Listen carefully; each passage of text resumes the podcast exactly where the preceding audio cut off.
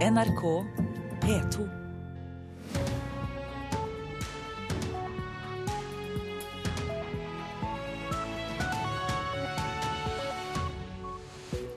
Fredag 19.12 er vi kommet fram til nå. Her i Nyhetsmorgen har vi disse overskriftene nå 6.30. Åtte barn er funnet drept i et bolighus i Queensland i Australia.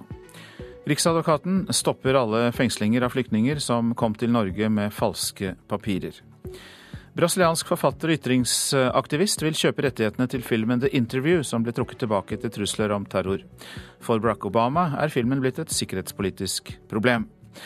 Akevittvenner ber regjeringen vri den taxfree ekstrakvoten som erstatter tobakk fra vin til det norske potetbrennevinet. Vi har et produkt som er unikt for Norge, og det er fatlagret akevitt. Og det er klart at Hvis ikke vi skal kunne være med og gi det norske folk muligheten til å kjøpe norske produkter, så, så tror jeg vi taper kampen. I Australia er åtte barn funnet drept i et bolighus i Cairns i Queensland nordøst i landet. Barna er mellom halvannet og 15 år gamle. Sammen med barna har politiet funnet en hardt skadd 34 år gammel kvinne. I'm looking at a slide and a swing set, and in the background is police tape.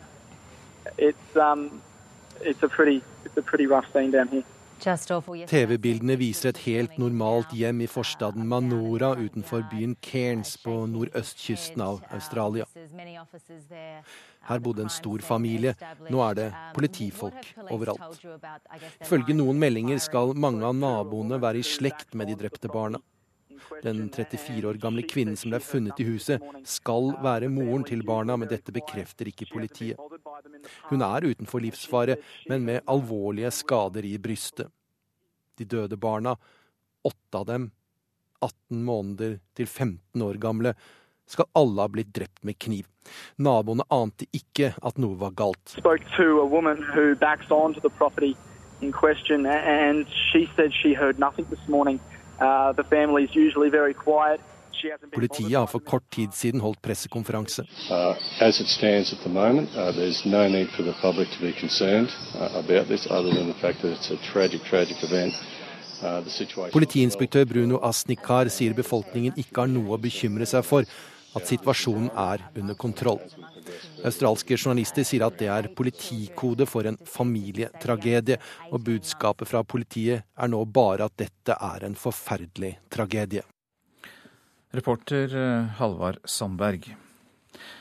Riksadvokaten stanser all fengsling av flyktninger som eh, kom til Norge med falske identitetspapirer, til eh, sakene altså er gått igjennom på nytt. Tidligere denne uka fortalte NRK at Norge fortsetter å fengsle flyktninger, selv om Høyesterett har gjort det klart at det ikke er lov. Hasem al-Saleh skulle egentlig sone 45 dager i fengsel fra nyttår, men nå slipper han det. Yeah, really. Sammen med broren flykta han til Norge med et ungarsk pass til 60 000 kroner. På Gardermoen innrømmer de at ID-en er falsk, men mottar fengselsstraff likevel. Like etter uttaler Høyesterett at det ikke er lov å fengsle flyktninger som reiser fra krig og konflikt, og som innrømmer at de har brukt falsk ID. Men siden 21-åringen kom før dommen, skulle han likevel etter planen fengsles i januar. Not a good start to be here in Norway, like to go to prison. People like take you as in prison. You have done something bad. Etter NRK omtalte saken tidligere denne uka, har Riksadvokaten sendt beskjed om å stoppe fengslinga av Hassem og flere andre flyktninger som kom til Norge med falske papirer. Vi ber kriminalomsorgen om å stille soningen i bero. Forteller Anders Blix Gundersen i Riksadvokatembetet. Til nå kjenner de til tre flyktninger som ikke skal straffes før gjenopptakelseskommisjonen har undersøkt sakene på nytt. Hvis kommisjonen mener flyktningene kan være feilaktig dømt, må domstolene se på saken en gang til. Likhetshensyn og rettssikkerhetshensyn øh, gjør at vi nå velger å, å ta fatt i de sakene. Riksadvokaten ber i tillegg påtalemyndighetene om å undersøke om det er flere flyktninger som er dømt til fengsel for ID-forfalskning. Eh, Dette gjelder jo saker hvor flyktninger måtte være straffet for ulovlig innreise eller opphold etter en mer restriktiv forståelse av flyktningkonvensjonen enn den Høyesterett kom frem til 24.6 i år. og hvor soning ennå ikke er gjennomført. Har dere i det hele tatt peiling på hvor mange det kan dreie seg om? Per i dag har ikke vi noe oversikt over hvor mange saker dette gjelder, så det er noe vi vil høste erfaringer med etter hvert.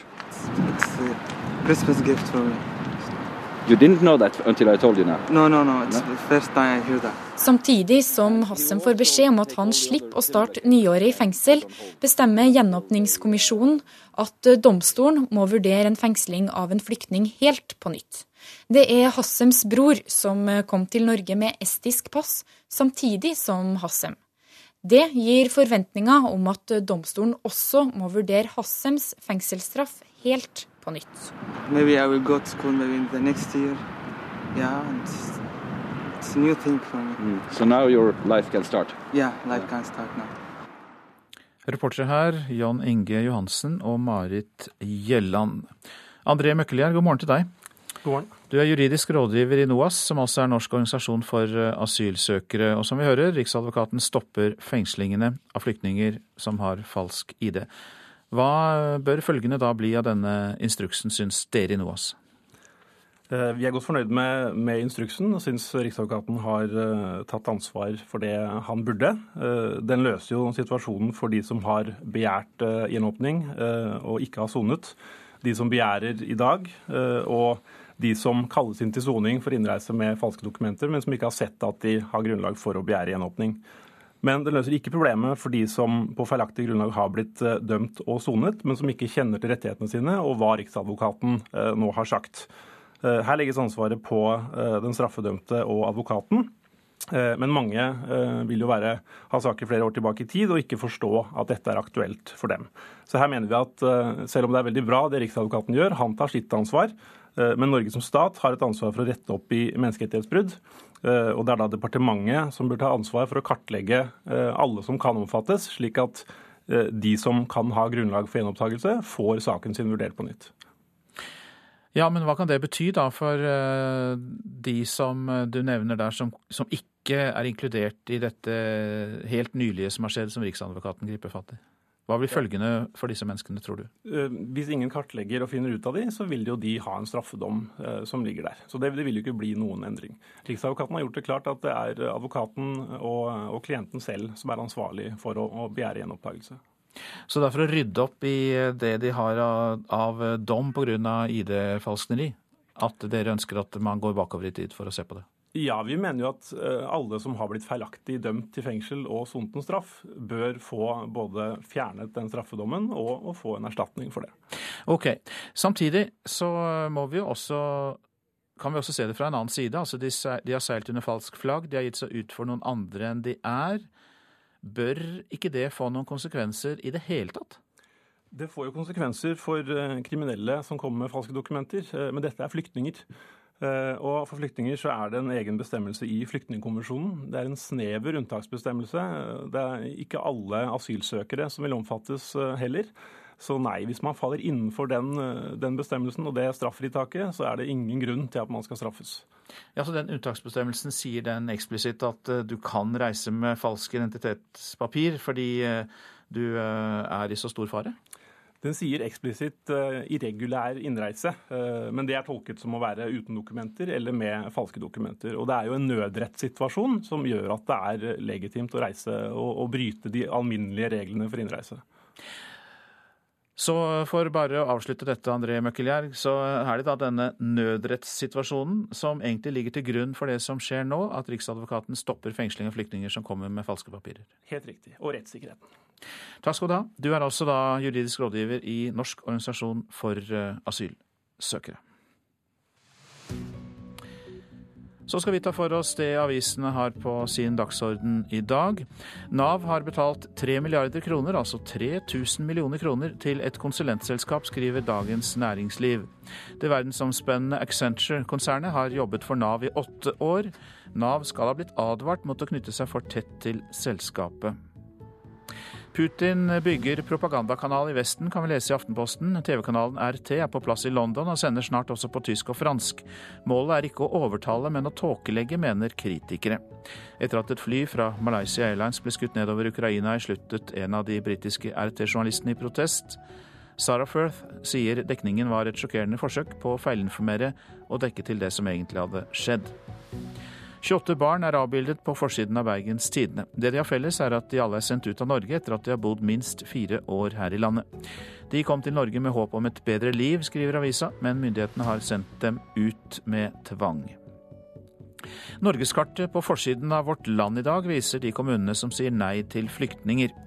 En av dem er Lyngen i Troms. Vi får litt dårlig samvittighet, sier ordfører Sølvi Jensen, men vi syns vi må ha noe skikkelig å tilby. Politivåpen skaper frykt, skriver Klassekampen. En rekke innvandringsorganisasjoner har levert et bekymringsbrev til justisministeren. De frykter farlige konflikter når bevæpnet politi skal kontrollere innvandrerungdom. Skryt fra lærerne på SMS, det er siste nytt i trivselstiltak på skolen, skal vi tro Dagsavisen. Ved Haugerud skole i Oslo gikk fraværet ned og trivselen opp etter at lærerne begynte å sende meldinger med skryt til elevenes mobiltelefoner etter skoletid. Nå skal andre skoler gjøre det samme. Slik virker stress på kroppen. VG spør om vi har for mye å gjøre før jul. Fire av ti rammes. Stress gir over 300 forandringer i kroppen vår. Hodepine, søvnmangel og magesmerter er bare tre av de 300. Når det kommer til juletreet, da er kun det dyreste og fineste godt nok, skriver Bergensavisen. Helge Auskulen har solgt juletrær i Bergen siden han var liten gutt, og kan fortelle at 80% av kundene nå kjøper edelgran. Mange velger bort det billige, tradisjonelle grantreet. USA vurderer nye sanksjoner mot Nord-Korea fordi amerikanske myndigheter mener nordkoreanske agenter hacket seg inn på serveren til filmselskapet Sony. En strid om filmen The Interview har utviklet seg til å bli en sikkerhetspolitisk viktig sak for Obama-administrasjonen. USA-korrespondent Tove Bjørgaas, du er med oss. Minn oss først om hva som skjedde med denne filmen. Den ble altså rett og slett trukket tilbake. Den skulle ha premiere første juledag og førpremiere denne uka, men Sony har trukket hele filmen tilbake fordi det har kommet terrorangrep mot kinoer som ville vise filmen etter at det var et stort hackerangrep mot Sony i november. Hvorfor mener USA at det er Nord-Korea som står bak disse truslene og hackerangrepene? FBI sier at de har klare indisier på at det er tilfellet, eh, fordi de har etterforsket denne saken. Og de sier at det som har skjedd her, det ligner veldig på det som skjedde med en sørkoreansk bank i fjor, som ble hacket på akkurat samme måte som Sony. Og det de mener at eh, nordkoreanske agenter har gjort, er at de har klart å, å stjele identiteten, altså innloggingsinformasjonen, til en av de viktigste dataadministratorene for Sony, og dermed kommet seg inn på hele selskapets eh, dataserver. Og De har klart å skaffe seg e-poster, personlige opplysninger om ansatte hos Sony og veldig, veldig mye annen informasjon. Hva blir eh, svaret fra det offisielle USA her? Nei, De ser veldig alvorlig på dette. I hele kveld her i USA så har det blitt diskutert om dette er en cyberkrig som Nord-Korea nå har startet mot USA, at dette må oppfattes svært alvorlig. At man må kanskje innføre nye økonomiske sanksjoner mot eh, Nord-Korea. Det vil man først og fremst da gjøre gjennom å ramme kinesiske banker som de gjør forretninger med. Eh, og også diskuterer man hvilke andre straffetiltak man kan, man kan sette i verk. Og, og, USA mener at det finnes 1800 nordkoreanske agenter som er spesialister på på cyberkrigføring, og at dette er noe regimet i Pyongyang virkelig satser på. Nå har det jo også dukket opp eh, informasjon fra en brasiliansk forfatter og menneskerettighetsaktivist som sier at han vil kjøpe denne filmen for 100 000 kroner. Sånn helt på tampen, Tove Bjørgaas, eh, det har vel kanskje ikke kommet noen reaksjoner på dette forslaget ennå? Nei, jeg har ikke sett så mange reaksjoner på det. Det jeg har sett er at det er flere som sier at dette ikke er en spesielt god film. Det er en tøysete komedie som altså handler om eh, to eh, komikere som blir bedt av CIA om å ta livet av Kim Jong-un, lederen i Nord-Korea. Eh, men mange sier at denne filmen ikke er, ville gjort det noe særlig bra uansett, fordi den er så dårlig osv. Men altså, dette, dette, begynte som en morsomhet, men har nå blitt en, en ganske alvorlig sak eh, her i USA. En ikke spesielt god film, men som likevel har fått eh, store følger. Takk skal du ha, USA-korrespondent Tove Bjørgaas, i denne omgang. Vi kan se fram til et nabooppgjør i kveld når Norge møter Sverige til semifinale i håndball-EM i Budapest. Slik hørtes det ut for fire år siden, da de to landslagene møttes i EM-finalen. Dyre Breivand kommer alene igjennom og lobber den i mål! Og i dette I 2010 ble Norge europamestere etter å ha slått Sverige 25-20.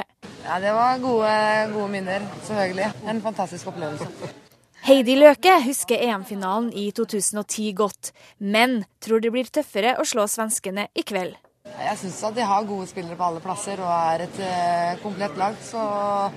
Men det syns jeg også vi er. Så jeg tror det blir en veldig jevn og tøff kamp. Så det blir veldig spennende. Vi skal forberede oss godt og så skal vi være klare til å ta denne kampen der. Særlig fremover. Landslagssjef Torir Hergeirsson mener styrkeforholdet mellom de to lagene har forandra seg siden EM for fire år siden. Ja, det er et helt annet, utgangspunkt. Vi, vi, har et helt annet lag eh, som er på et, eh, et annet løp, eh, tidligere i sitt løp. Eh, og så har svenskene da noe mer kontinuitet. Eh, men de har klart å skape et eh, bra kollektiv. Sterkt, sterkt lag.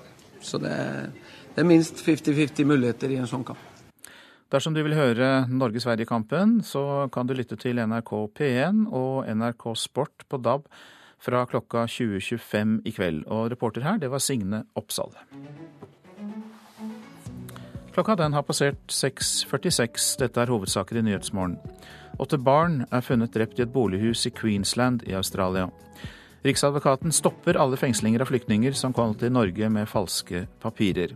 Og vi skal høre at den tsjekkiske filmen 'Tre nøtter til eh, Askepott', som vel eh, kan karakteriseres som en julekultfilm, kommer nå i forbedret versjon takket være norske penger. Det snakkes gjerne om foredling av poteter på Løten i Hedmark, og spesielt nå i akevittsesongen. Men nå vil Løten-akevittens venner endre taxfree-reglene. I dag kan vi jo bruke tobakkskvoten, bytte den mot en flaske vin, men eh, denne foreningen vil heller ha norsk akevitt på denne bonuskvoten. Det er konkurransevridende, vil jeg si, at det er vin som blir framsatt som, som det folk skal kjøpe, og ikke norskprodusert eh, vare. Og, Det er også da i tråd med at eh, bøndene på seg produksjon av poteter og areal til dyrking av potet går ned hvert eneste år, og det må jo være en glimrende anledning for regjeringa til å øke produksjonen av potet. Det er høgsesong for akevitt, men det er vin det går mest av på taxfree-butikken på Gardermoen. Særlig etter sommerrevolusjonen, da vi kunne bytte ut tobakkskvoten med vin. Nå vil presidenten i Løten-akevittens venner, Frank Snekkevåg, vri bonuskvoten fra vin til akevitt. Vi har et produkt som er unikt for Norge, og det er fatlagret akevitt. Og, og, og, det er klart at Hvis ikke vi skal kunne være med og gi det norske folk muligheten til å kjøpe norske produkter, så, så tror jeg vi taper kampen. Og dette synspunktet har han også presentert for regjeringa. Jeg syns dette er et eh, hyggelig engasjement, og kanskje i disse juletider så er det mange som også er opptatt av akevitt. Men jeg tenker at vi får gjøre alt med måte. Men Siv Jensen er ikke helt med på å gi oss bonuskvote på norsk akevitt nå. Det er jo et produkt som er eh, allment tilgjengelig for, eh, for nordmenn og andre allerede. Og så setter jeg pris på engasjementet, og så tror jeg alle vet at eventuelle endringer regjeringen måtte gjøre fremover, de kommer når de i så fall kommer. Og på Gardermoen er også kundene delt i synet på tobakk, vin og sprit. Ta to sprit? Uh, ja, definitivt. Men ville du tatt akevitt? Nei, det vil jeg ikke. Jeg er ikke så glad i akevitt. Nei, det hadde jeg, jeg hadde tatt snusen likevel. Nei, for jeg røyker, så da må jeg ta med tobakken. Men hvis du hadde fått en akevitt? Jeg drikker svært sjelden, men jeg røyker, så jeg fortsatt tar med tobakken. Jeg kunne tenke meg to av tobakk isteden. Uansett så røyker jeg ikke, så jeg kjøper ikke tobakken uansett. Vil du tatt eh, akevitt foran vin også, kanskje? Uh, ja, det vil jeg nok. For det er mer alkohol. Absolutt. Hvorfor det? Nei, fordi eh, brennevin er billigere. Så hvorfor ikke? Jeg syns det er veldig hyggelig at det er engasjement rundt taxfree-ordningen. Ja, det har vi sett at noen mener vi skal avvikle den helt, og andre ønsker at vi skal utvide den ytterligere. Og da tenker jeg at eh, det at regjeringen faktisk har gjort den mer fleksibel allerede, er et godt bidrag. Og løytens venner de får kanskje smøre seg med tålmodighet? Jeg har konstatert at løytens venner har et engasjement, og det er bra. Ja, finansminister Siv Jensen sa det til reporter Bjørn Atle Gjellestad. Denne høsten har Gjenreisningsmuseet for Finnmark og Nord-Troms gitt hele landet ny og verdifull informasjon om tvangsevakueringen fra de nordligste landsdelene. Nå etablerer Universitetet i Tromsø et samarbeid med museet som kan løfte historiefortellingene om disse hendelsene for 70 år siden enda et hakk. Vi har eh, drømt om det her i flere år, og vi føler oss utrolig heldige. Det er nesten som man må klype seg i armen. Er det virkelig sant at vi skal få lov å gjøre det? Heidi Stenvold ved Gjenreisningsmuseet for Finnmark og Nord-Troms var en av de som nylig ga TV-seerne over hele landet et nytt innblikk i historiene rundt tvangsevakueringa av landsdelen, hendelser 70 år tilbake i tid. Sammen med kollega Nina Planting Møllmann har de to museumskonservatorene i flere år bidratt med kunnskap om hendelser som er blitt beskrevet som den største tragedien som har ramma Norge. Arbeidet til de to er blitt lagt merke til ved forskermiljøene i nord, og nå er begge tatt opp som stipendiat ved Universitetet i Tromsø, noe som gir de muligheten til å ta doktorgrad i emnet. Det her gir uante muligheter, føler vi. Eh, vi får tilgang på databaser og forskermiljøer, eh, seminarer, eh, litteratur og folk. Vi får liksom utvida vårt innsamlingsfelt og diskusjonsfelt. Universitetet i Tromsø og førsteamanuensis Åshild Fause sier samarbeidet gir store muligheter til å få et større nedslagsfelt for historieforskninga i nordområdene. Det er veldig viktig for oss som eh, ansatte på universitetet å få forskninga vår ut. Og det er klart at det å ha et museum som en arena for forskning er jo helt fantastisk. Her møter vi publikum, vi kan bidra til utstillinger, vi kan gi publikasjoner. Og vi har store forventninger til det samarbeidet framover. Og reporter her, det var Alan Klo. Julefilmen 'Tre nøtter til Askepott' skal pusses opp. Med støtte fra norske myndigheter har det tsjekkiske filmarkivet og Nasjonalbiblioteket i Mo i Rana valgt ut ti tsjekkiske filmer som skal restaureres til moderne billedkvalitet. Og blant de ti er den folkekjære julefilmen fra 1973. Når denne ble eh, valgt, så eh, syns jeg det er veldig morsomt. Jeg bodde i åtte år i Sverige, og jeg var faktisk så eh, denne filmen var så eh, viktig for eh, julestemningen min at jeg kjøpte den faktisk på DVD for å kunne se den også i Sverige. Regjeringens europaminister Vidar Helgesen er en av flere nordmenn med et nært forhold til den tsjekkiske filmen 'Tre nøtter til Askepott'. Som en del av EØS-avtalen gir Norge støtte til flere av de minst velstående medlemslandene i EU. Og en del av disse pengene går til å bevare disse landenes kulturarv. I den sammenheng har Norge gitt i underkant av 7,5 millioner kroner til å digitalisere eldre tsjekkiske filmer. En av disse er juleklassikeren fra 1973. Det er Askepott, naturligvis. Og så kongen som kan komme hvert øyeblikk. Skynd dere! Vidar Helgesen, symbolsk plassert utenfor julemarkedet på Karl Johan, forteller at dette gjøres for at de gamle filmene ikke skal bli ødelagt. Det å digitalisere denne filmen og andre filmer gjør jo at eh, de vil bli tilgjengelig på de nye medieplattformene. Alternativet ville vært at de ville etter hvert ha gått i glemmeboken. Fra 2009 til 2014 har Tsjekkia mottatt 1,1 milliarder kroner i EØS-midler fra Norge. Mesteparten går til prosjekter og programmer for å redusere sosiale og økonomiske ulikheter i Tsjekkia. Men en del av pengene går altså til å styrke tsjekkisk kultur. Tsjekkia har jo en eh, rik kultur.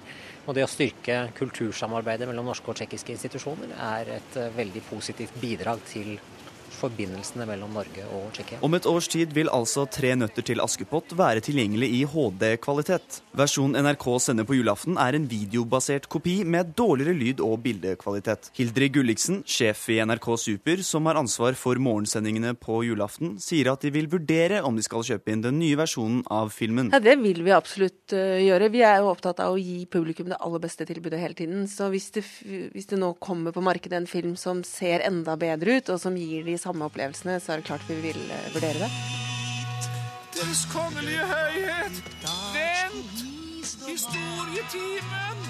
Det tsjekkiske filmarkivet arbeider også med å forbedre lydkvaliteten på den norske versjonen, hvor avdøde Knut Risan er forteller og oversetter.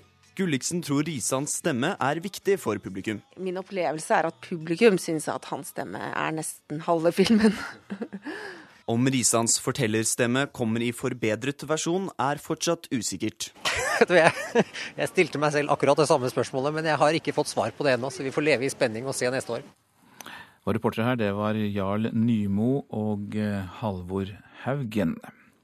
Og europaministeren kommer forresten hit etter klokka sju. Da skal han snakke om noe helt annet enn Askepott. Dersom du skal til Trondheim og Olavfestdagene neste år, må du sette av tid. De skal nemlig sette opp et stykke som tar over sju timer å framføre. Det er hovedverket til den britiske komponisten sir John Travner, og er kun blitt fremført fem ganger tidligere.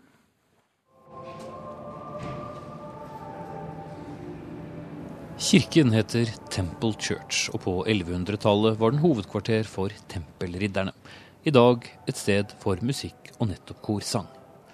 Her er det også fremført et helt spesielt verk som snart skal på norgesbesøk til Nidarosdomen og Olavsfestdagene. Et verk det tar over sju timer å synge seg gjennom en hel natt. Hvorfor dette stykket, spør vi direktør Petter Fiskum Myhr, som er på musikkbesøk i London.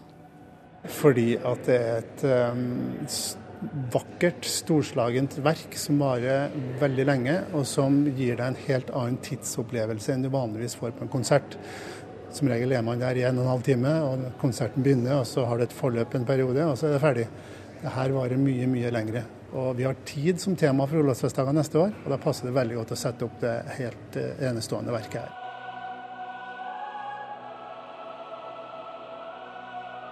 Komponisten av dette enorme verket, John Travener, døde i 2013. Men dirigent Stephen Layton, som i sin tid bestilte det og også dirigerte urfremførelsen i nettopp denne kirken, kan fortelle at det tar på å komme seg gjennom. Yeah, there are um, challenges with working all night.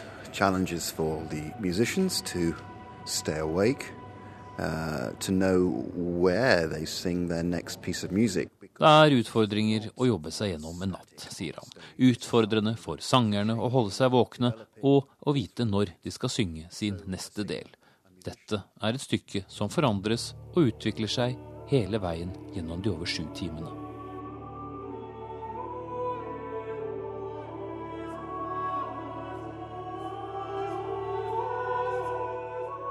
Stykket er knapt fremført tidligere, noe som gjør Olavsfestdagene ekstra kry. Ja, det er framført fem ganger i historien. Um, aldri en katedral. Vi står i en kirke nå, Temple Church, men en ganske lita kirke. Verket er nok skrevet altfor stort for den kirka. Så når dirigent Stephen Laton så Nidarosdomen, så sa han det her er det perfekte stedet for å framføre akkurat det verket her. The Veil of the Temple binder sammen kristendom med islam, hinduisme, buddhisme, jødedom, ja, religionen til amerikanske urinnvånere. Og når det dukker opp i Trondheim, må interesserte altså sette av godt med tid en hel natt. Espen Aas, Temple Church, London. Og dette verket er det planlagt å framføre natten mellom 1. og 2. august neste år. Så til værvarselet fram til midnatt. Langfjella vestlig stiv til sterk kuling utsatte steder. Det blir snøbyger, mest nedbør i vestlige områder, og snøfokk. Fjell i Sør-Norge unntatt Langfjella. Vestlig liten kuling utsatte steder. Enkelte snøbyger i vestlige områder, for øvrig stort sett oppholdsvær. Østlandet og Telemark. På kysten liten kuling. Utover dagen perioder med stiv kuling i ytre Oslofjord. Det blir oppholdsvær, men lokal tåke. Agder. På kysten oppe i stiv kuling. Fra i formiddag sterk kuling vest for Oksøy. Sludd- og snøbyger. Til dels regnbyger på kysten. Det blir mest nedbør i vest. Vestlandet sør for Stad. Vestlig sterk kuling utsatte steder. I kveld kan hende kortvarig liten storm nord for Rogaland. Regn og haglbyger. Snø i indre høyereliggende strøk. Utrygt for torden. Møre og Romsdal sørvestlig stiv kuling på kysten. Fra ettermiddag liten kuling. Regn og haglbyger. Snø i indre og høyereliggende strøk og utrygt for torden. Trøndelag sørvestlig liten kuling på kysten. Sludd- og snøbyger, vesentlig da i ytre strøk. Og utrygt for torden også der. Nordland i sør liten kuling utsatte steder først på dagen. På Helgeland og Vest-Lofoten enkelte snøbyger, men ellers oppholdsvær. Troms i Nord-Troms stedvis liten kuling først på dagen. I grensetraktene litt snø, ellers klarvær. Finnmark liten kuling utsatte steder, på vidda litt snø, ellers opphold. Og Nordensjøland på Spitsbergen oppholdsvær, i kveld stiv kuling.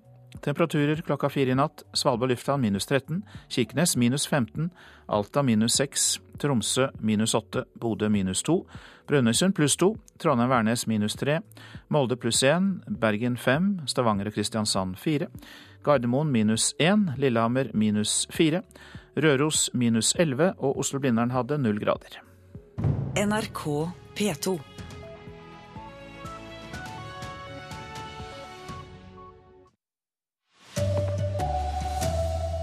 Regjeringa tar grep for å få ned soningskøen, har planer for 650 nye fengselsplasser her i landet. Og USA vurderer nye sanksjoner mot Nord-Korea etter datainnbrudd hos amerikansk filmselskap. Her er NRK Dagsnytt klokka sju. Regjeringa legger opp til 650 nye soningsplasser de neste åra. Det kommer fram i en stortingsmelding som blir lagt fram i dag. Trangen for nye fengselsplasser er svært stor. 1200 personer venter i soningskø. og Det er et tall som må ned, sier Ulf Lerstein fra Frp. Han sitter i Stortingets justiskomité med denne stortingsmeldingen, og hvis eh, Fremskrittspartiet og Høyre nå får Stortingets aksept for den, så er vi i gang med å bygge flere fengselsplasser allerede neste år. 650 nye fengselsplasser i Norge. Og Det betyr altså en økning på nesten 20% av antallet fengselsplasser i Norge. Så dette er et viktig element i regjeringens satsing for å gjøre noe med kriminalitet og, og soning. Og Samtidig er det klart at 242 innsatte i norske fengsel kan få sone i Nederland fra neste sommer. Politiet i Australia sier de har situasjonen under kontroll etter at åtte barn er funnet drepne i et hus i en forstad i Queensland nordøst i landet.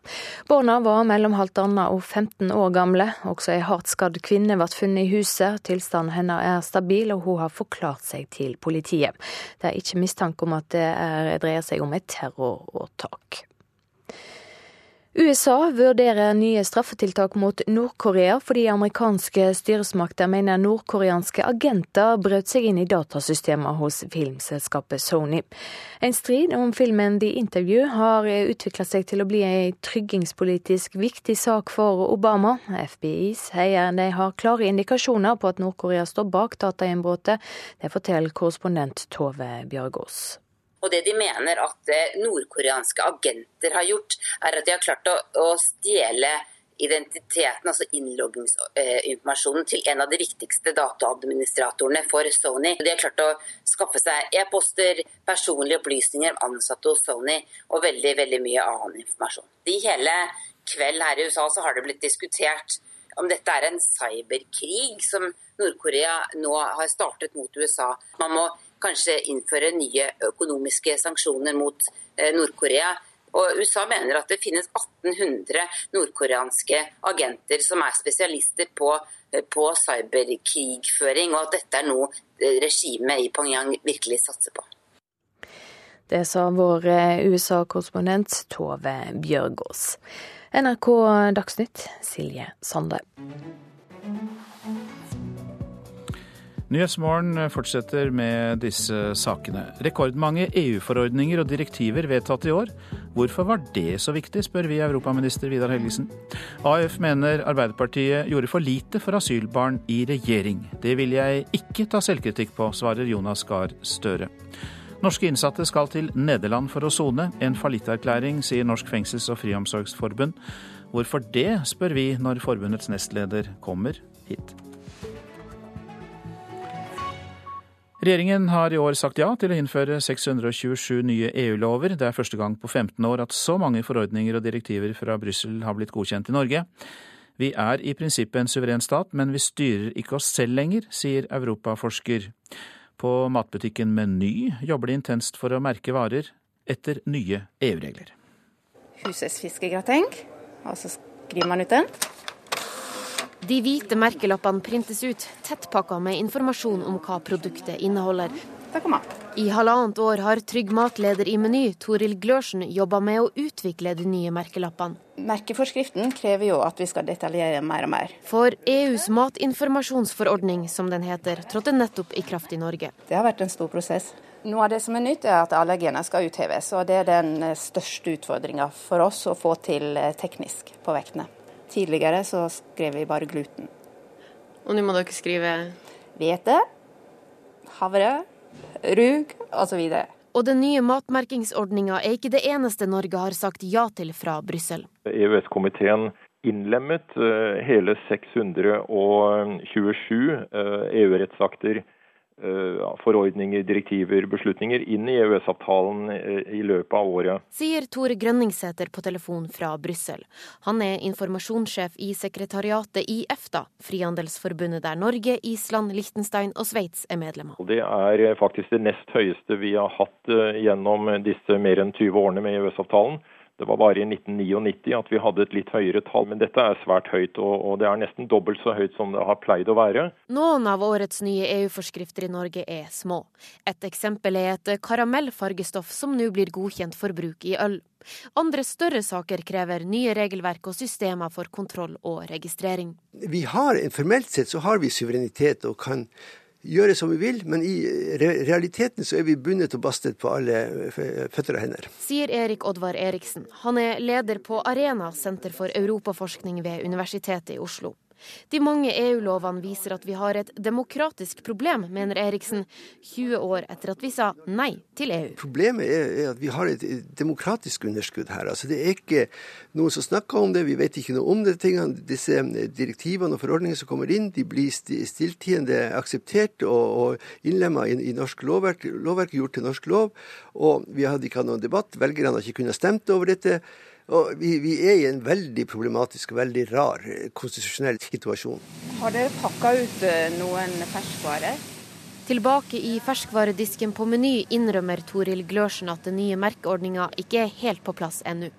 For eh, nye krav krever mye tid. Ja, det har vært en del jobb.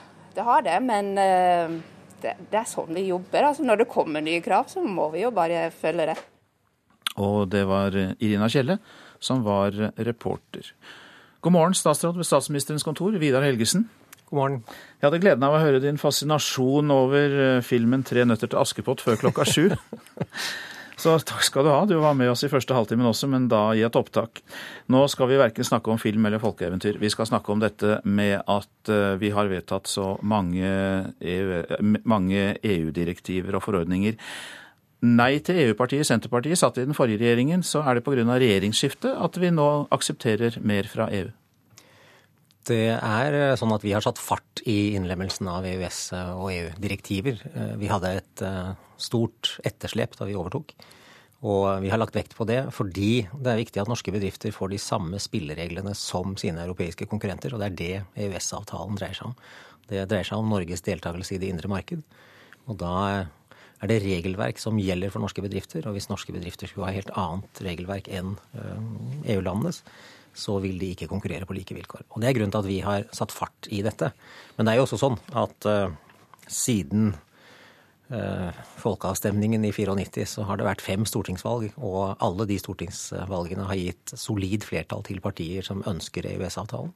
Og alle regjeringer, uansett uh, sammensetning, inklusive den rød-grønne gjennom åtte år, har fortsatt en uavbrutt innlemmelse av EU-regelverk eh, e i norsk rett. Så dette er det bred enighet om i norsk politikk. Men hva skal vi gjøre med det demokratiske underskuddet? For siden EØS-avtalen som du nevner ble underskrevet i 1992, så har jo mer enn 10 000 rettsakter fra EU blitt innlemmet i norske forskrifter og lover. Og vi har jo ikke noe kontroll på det. Det kommer bare inn i systemet, ikke automatisk da, men vi godtar det uten at vi er med og bestemmer det. Ja, det er jo eh, det er jo stortingsvedtak som ligger til grunn for EØS-avtalen, og det er stortingsvedtak som eh, inntar de enkelte EØS-reglene eh, e i norsk rett også. Eh, det er klart det er et demokratisk dilemma at vi ikke er med i beslutningsprosessen i EU om dette. Men det er jo ikke helt uvanlig at politikere binder opp myndigheten sin. Det gjør man gjennom lovgivning, det gjør man gjennom at Rentebeslutningen ligger i Norges Bank. Det er mange begrensninger på politikernes maktutøvelse i Grunnloven og i internasjonalt samarbeid. Det som er spesielt med EØS, er omfanget. Det er veldig, veldig mye. Det er en stor del av norsk lovgivning.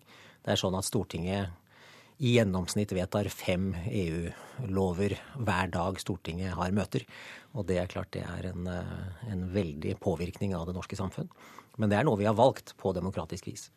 Men har vi ingen mulighet til å være mer med på å bestemme? Det er noe av det vi er veldig opptatt av. Det er en tendens til at norsk debatt om EU-regler dreier seg om vi skal legge ned veto når reglene er vedtatt. Vi legger mye større vekt nå på å komme tidlig inn i prosessene i EU. Eh, vi sitter ikke ved bordet når vedtakene formelt fattes der, men vi deltar i veldig mange av de arbeidsgruppene og de ekspertprosessene som skjer før mens regelverket utarbeides. Et eksempel på det, siden mattrygghet var eh, nevnt her, er jo at Mattilsynet, jobber, det norske Mattilsynet jobber veldig aktivt eh, i Brussel og i europeiske prosesser. Og det gjør de fordi 90% av norsk regelverk om mattrygghet kommer fra EU. Eh, så da er det en veldig viktig arena for eh, Mattilsynet og for norske myndigheter. Til slutt, hvilke store spørsmål kommer neste år som dere prøver å jobbe med og påvirke? I tillegg til det du nevnte. EU har nettopp vedtatt et klima- og energirammeverk frem mot 2030.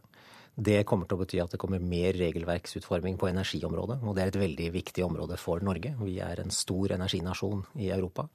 Eh, Europa er vårt viktigste gassmarked, og det betyr at beslutningene som tas der, har veldig stor betydning for oss. og Derfor er det å påvirke utformingen av de um, regelverkene veldig, en veldig høy prioritet for oss.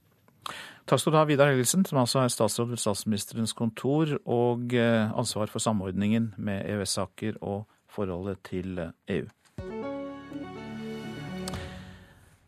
AUF mener Arbeiderpartiet var for passiv i asylpolitikken. Både SV og Venstre har vært ute og etterlyst svar fra Arbeiderpartiet på asylfeltet. Nå er AUF-leder Mani Hussaini ute og kritiserer eget parti. Jeg beskylder først og fremst Arbeiderpartiet og Jonas Gahr Støre for å være passive i asyldebatten. Han ønsker seg en tydeligere stemme fra Ap i asylpolitikken, og er ikke helt fornøyd med det de fikk til for asylbarna i den rød-grønne regjeringa. Man hadde gode intensjoner. Man la frem en stortingsmelding som sa at barns beste skulle legges vekt på når man skulle behandle saker om barn, men det ble ikke fulgt opp. Vi spurte Støre om han tar sjølkritikk på at de ikke fikk til nok i regjering. Nei, jeg er ikke innstilt på å ta selvkritikk på det. Det er som sagt ikke enkelt å finne den rette balansen mellom hvordan man tar hensyn til flere forhold, også de innvandringspolitiske. Så det tror jeg vi må jobbe med hele veien, men jeg mener vi arbeidet hardt for det. I det siste har det vært mye medieoppmerksomhet rundt bl.a. avtalen om lengeværende asylbarn som regjeringa inngikk med Venstre og KrF. Hussaini er klar på hva han mener om avtalen. Så Derfor er den nye forskriften god. Eh, den er, eh, sier at barns beste og barns tilknytning til riket skal tillegges vekt. Jeg føler at det var intensjonen til Arbeiderpartiet også da vi satt i regjering, men at man ikke gjorde nok for å få det til.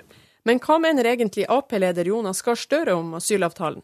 Teksten som den står, den har ikke jeg tenkt å være imot. Jeg vil gjerne se praktiseringen slik at det er forutsigbart. Men er det bra eller dårlig om flere lengeværende barn med endelig avslag får lov til å bli boende i Norge? Ja, det, det, er, jo ikke dårlig i seg selv. Nei, ta, det, det, bra da. Nei, Vi skal ta hensyn til, til, barn og barns beste, og vi skal sørge for at regelverket er sånn at den blir praktisert rettferdig overfor de som har fått avslag.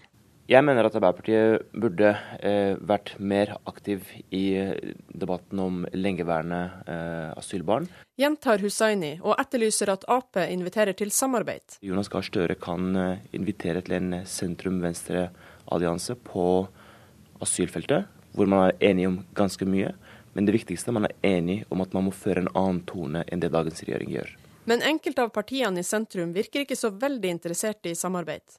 I går sa Venstres Abid Raja det her om Støre og Ap i Politisk kvarter. Men når det kommer til praktisk politikk, så er faktisk han leder av det partiet som har den strengeste politikken når det gjelder asylbarn. At uh, noen partier ønsker å karakterisere oss, det uh, tar jeg egentlig med stor ro. Det er vel kanskje mer et uttrykk for at de ikke ønsker å snakke om egen politikk. Men det er ikke bare de politiske motstanderne som kritiserer Ap. AUF-lederen kommer med en klar appell. Hei, Jonas. AUF krever at Arbeiderpartiet eh, skal slutte å være passive i asyldebatten, og krever at man skal være eh, aktiv og si hva Arbeiderpartiet mener om de ulike forslagene som ligger på bordet. Budskapet fra AUF-leder Mani Hussaini til eh, Jonas Gahr Støre, og reporter var Eva Marie Bullai. Norske innsatte skal for første gang sendes til utlandet for å sone. I går kveld ble det klart at Norge har underskrevet en kontrakt med Nederland om 242 soningsplasser. Det nederlandske fengselet vil bli underlagt Ullersmo fengsel og få en norsk sjef, melder TV 2. Asle Aase, god morgen til deg. God morgen. Du er nestleder i Norsk fengsels- og friomsorgsforbund. Ja. ja hva syns du om dette? Er ikke dette gode nyheter for å få ned soningskøen? Ja, det har jo vært på trappene en god stund at uh, man har ønska å opprette soningsplasser utenfor Norges grenser.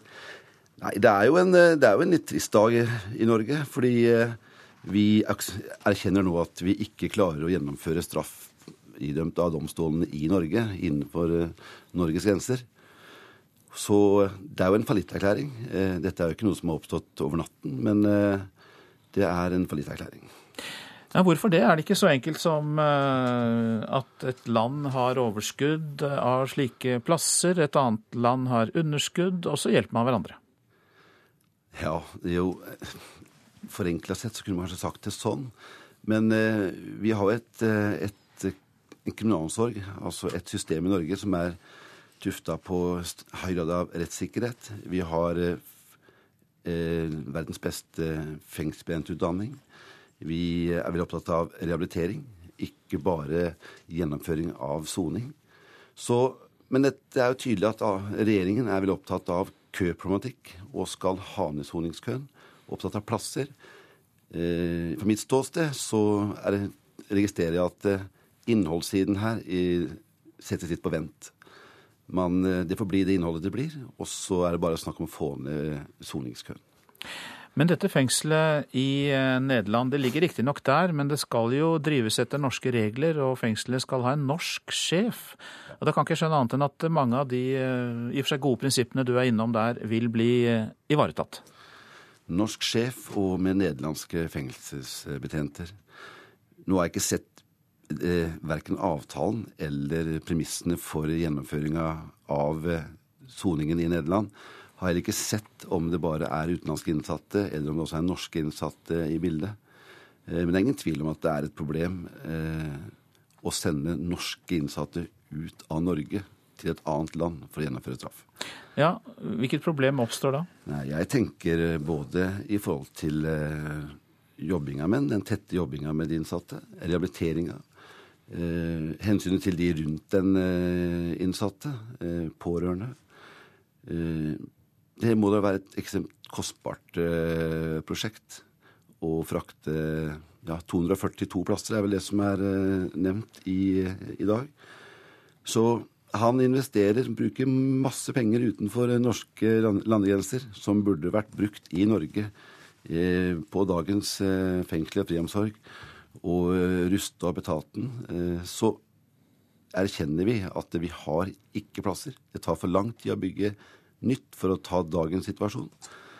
Eh, men det er jo et politisk valg i forhold til hva som er eh, akseptabel kø.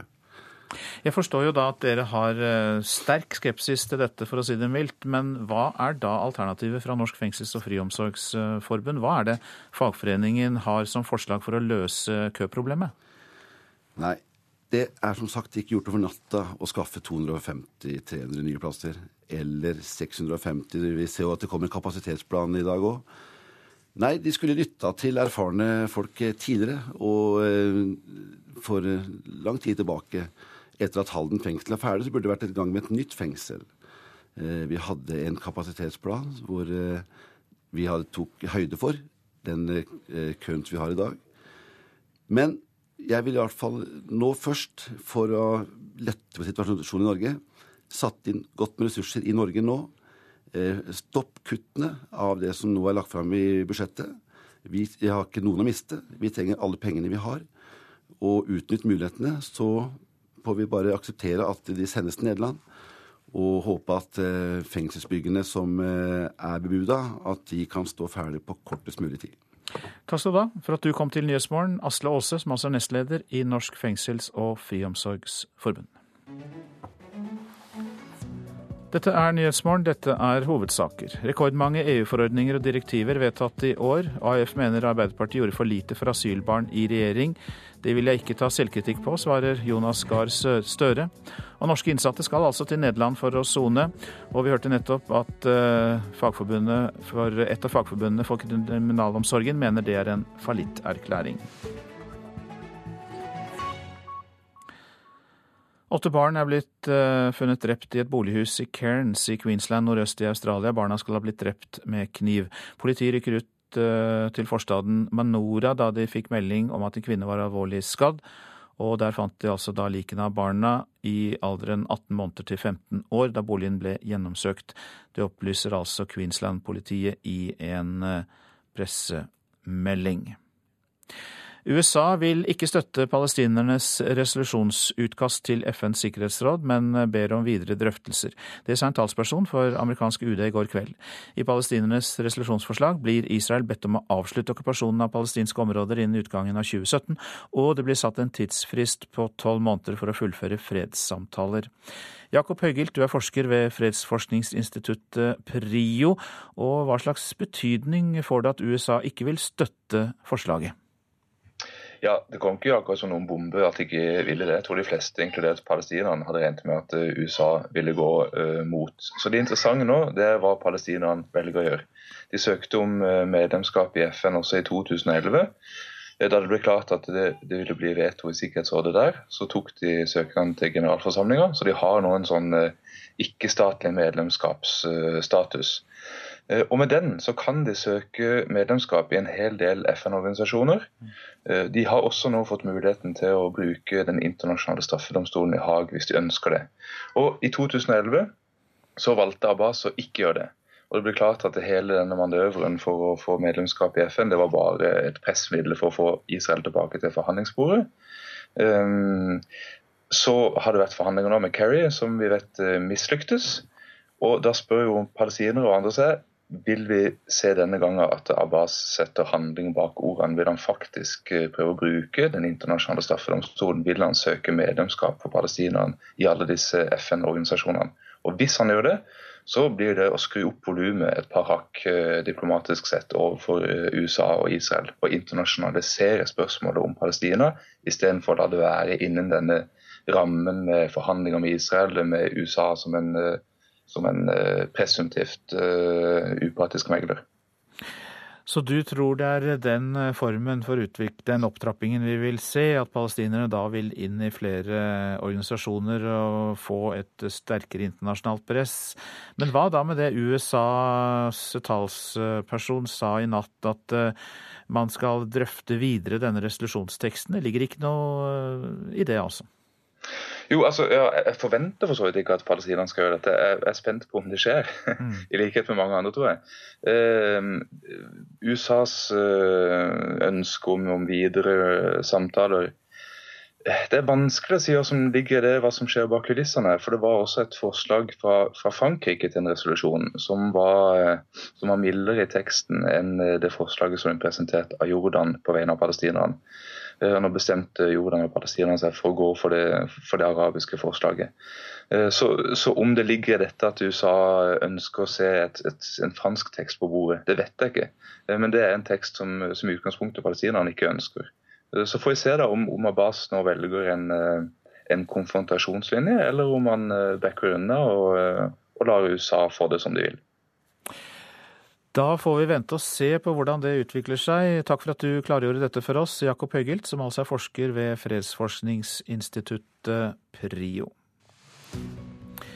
Nå til uh, avisene. Nav har betalt 3 eh, milliarder kroner, altså 3000 millioner kroner, til ett konsulentselskap, skriver Dagens Næringsliv.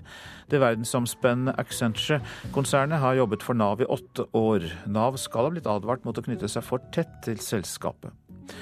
Putin bygger propagandakanal i Vesten, kan vi lese i Aftenposten. TV-kanalen RT er på plass i London og sender snart også på tysk og fransk. Målet er ikke å overtale, men å tåkelegge, mener kritikere. Etter at et fly fra Malaysia Airlines ble skutt nedover Ukraina, sluttet en av de britiske RT-journalistene i protest.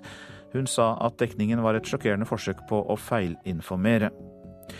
28 barn er avbildet på forsiden av Bergens Tidende. Det de har felles, er at de alle er sendt ut av Norge etter at de har bodd minst fire år her i landet. De kom til Norge med håp om et bedre liv, skriver avisa, men myndighetene har sendt dem ut med tvang. Norgeskartet på forsiden av Vårt Land i dag viser de kommunene som sier nei til flyktninger. En av dem er Lyngen i Troms. Vi får litt dårlig samvittighet, sier ordfører Sølvi Jensen, men vi syns vi må ha noe skikkelig å tilby. Politivåpen skaper frykt, eh, det skriver Klassekampen. En rekke innvandrerorganisasjoner har levert en bekymringsmelding til justisministeren. De frykter farlige konflikter når bevæpnet politi skal kontrollere innvandrerungdom. Skryt fra læreren på SMS, det er siste nytt i trivseltiltak på skolen, skal vi tro Dagsavisen. Ved Haugerud skole i Oslo gikk fraværet ned og trivselen opp etter at lærerne begynte å sende meldinger med skryt til elevenes mobiltelefoner etter skoletid. Nå skal andre skoler gjøre det samme. Slik virker stress på kroppen. VG spør om vi har for mye å gjøre før jul. Fire av ti rammes. Stress gir over 300 forandringer i kroppen vår. Hodepine, søvnmangel og magesmerter er bare tre av dem. Når det kommer til juletreet, da er det kun det dyreste og fineste som er godt nok, skriver Bergensavisen. Helge Austgulen har solgt juletrær i Bergen helt siden han var liten gutt, og kan fortelle at 80% av kundene hans kjøper edelgran nå. Mange velger bort det billige, tradisjonelle grantreet. Og eh, når vi er så tett på jula, så gir vi oss ikke helt med jula heller. Vi kan fortelle at du kan spare tid og penger ved å benytte deg av kjerringråd, nemlig. Else Farnes, leder i Sem bygdekvinnelag, råder bl.a. til å pusse kobber med ketsjup og pusse ovnsdøra med sot, og ja, så har vi vært ute i gata og spurt folk om deres råd. Ingen. F.eks. å bruke eddik når du skal pusse sølvtøy. Jeg har ikke noe sølvtøy, dessverre. Nei, jeg har hørt kjerringrådet, men jeg er ikke noe kløpper på sølvpussing. Hvor mange kjerringråd bruker du nå før jul? Ingen. det eneste jeg blir kjerringråd, er vel når før en fødsel. Ja. Når jeg er gravid, så er det mye kjerringråd ute og går. Kjerringråd? Nei, det klarer jeg ikke å svare på. Er det kanskje noen andre i familien som tar seg av det? Ja, jeg får vel si det. F.eks. å vaske ovnsdøra. Dyppe papir i sot og vann, og så pusse. Akkurat. Ja, men det var et tips. Hjemme hos Else Farnes i Barkåker er det imidlertid andre boller før jul. Bygdekvinnelagslederen har sverga til kjerringråd i flere tiår, og hun ønsker å bringe til liv igjen mange av disse. For det er mange av de gamle kjerringrådene som er veldig gode og veldig billige. Man trenger ikke å kjøpe såkalt må ha-produkter i dyre dommer, for veldig masse av det vi har, er eh, ting vi kan bruke som ikke er miljøfiendtlig. Farnes bruker ofte sitroner og eddik for å få ting reint. F.eks. Eh, på bær og rødvin og kakaoflekker. De kan fjernes med sitronsaft. Du spruter på sitronsafta, lar den ligge noen minutter og skyller grundig med vann, hvorpå du vasker etterpå. Hun understreker at det er viktig å ikke la sitronsafta trekke inn i tøyet lenger enn noen minutter. Fordi da kan sitronsafta bleke duken eller hva du har fått det på. Faktisk kokende melk kan også fjerne rødvinsflekker. Kok opp, og dupp da eventuelt duken nedi og la det virke noen minutter. Før jul pusser mange sølvtøyet, kobberet og messingen sin, og Farnes har kjerringråd også rundt dette. Ta varmt vann i ei langpanne, ta noen teskjeer med natron og legge aluminiumsfolie i bånn. Og så legger du da sølvtøyet i den natronsoppløsninga. Og da blir sølvet rensa i løpet av én til fem timer. Eh, og etterpå så skyller du sølvet i rent vann og tørker det. Dette er hvis det er veldig mørkt. Er sølvtøyet mindre skittent, kan man vaske det i Zalo og varmt vann, og deretter skylle, tørke og polere det. Så det er veldig mange forskjellige, men eh, du må finne den som du syns passer best til deg selv. Og det er mange gode ideer du kan få for de som har internett. Gå på internett og søk på pussing av sølv, så finner du mange fine der. De fleste forbinder ketsjup med mat, men det kan brukes til noe helt annet. Syra i ketsjupen er det som har den blankende effekten. Så du kan faktisk eh, pusse kobber og messing med ketsjup. Det er fort gjort å få stearin der det ikke skal være, f.eks. på en duk. Farnes råder da til å legge kaffefilter eller bakepapir oppå duken og stryke over med strykejern. Hun sier at det vil få stearinen til å forsvinne. Tilbake på gata i Tønsberg kom en av de vi snakka med etter hvert på et kjerringråd han ofte bruker. Hvis vi har uh, skåret opp sitronen, da, så bruker vi skallet i uh, oppvaskmaskin. Det, det blir ekstra reint, har jeg lest et eller annet sted. og den reporteren som var ute i Barkåker i Vestfold og samlet kjerringråd, det var Mathilde Thorsø. Prosent for Nyhetsmorgen, Vidar Eidhammer. Her i studio, Øystein Heggen. Fører den økonomiske krisen i Spania til at kvinner unnlater å anmelde vold og voldtekt? Det alvorlige spørsmålet stilles i reportasjen etter Dagsnytt. Molde vinner sykehuskampen, og politiet fikk bevæpning uten kamp. Det er temaene i Politisk kvarter.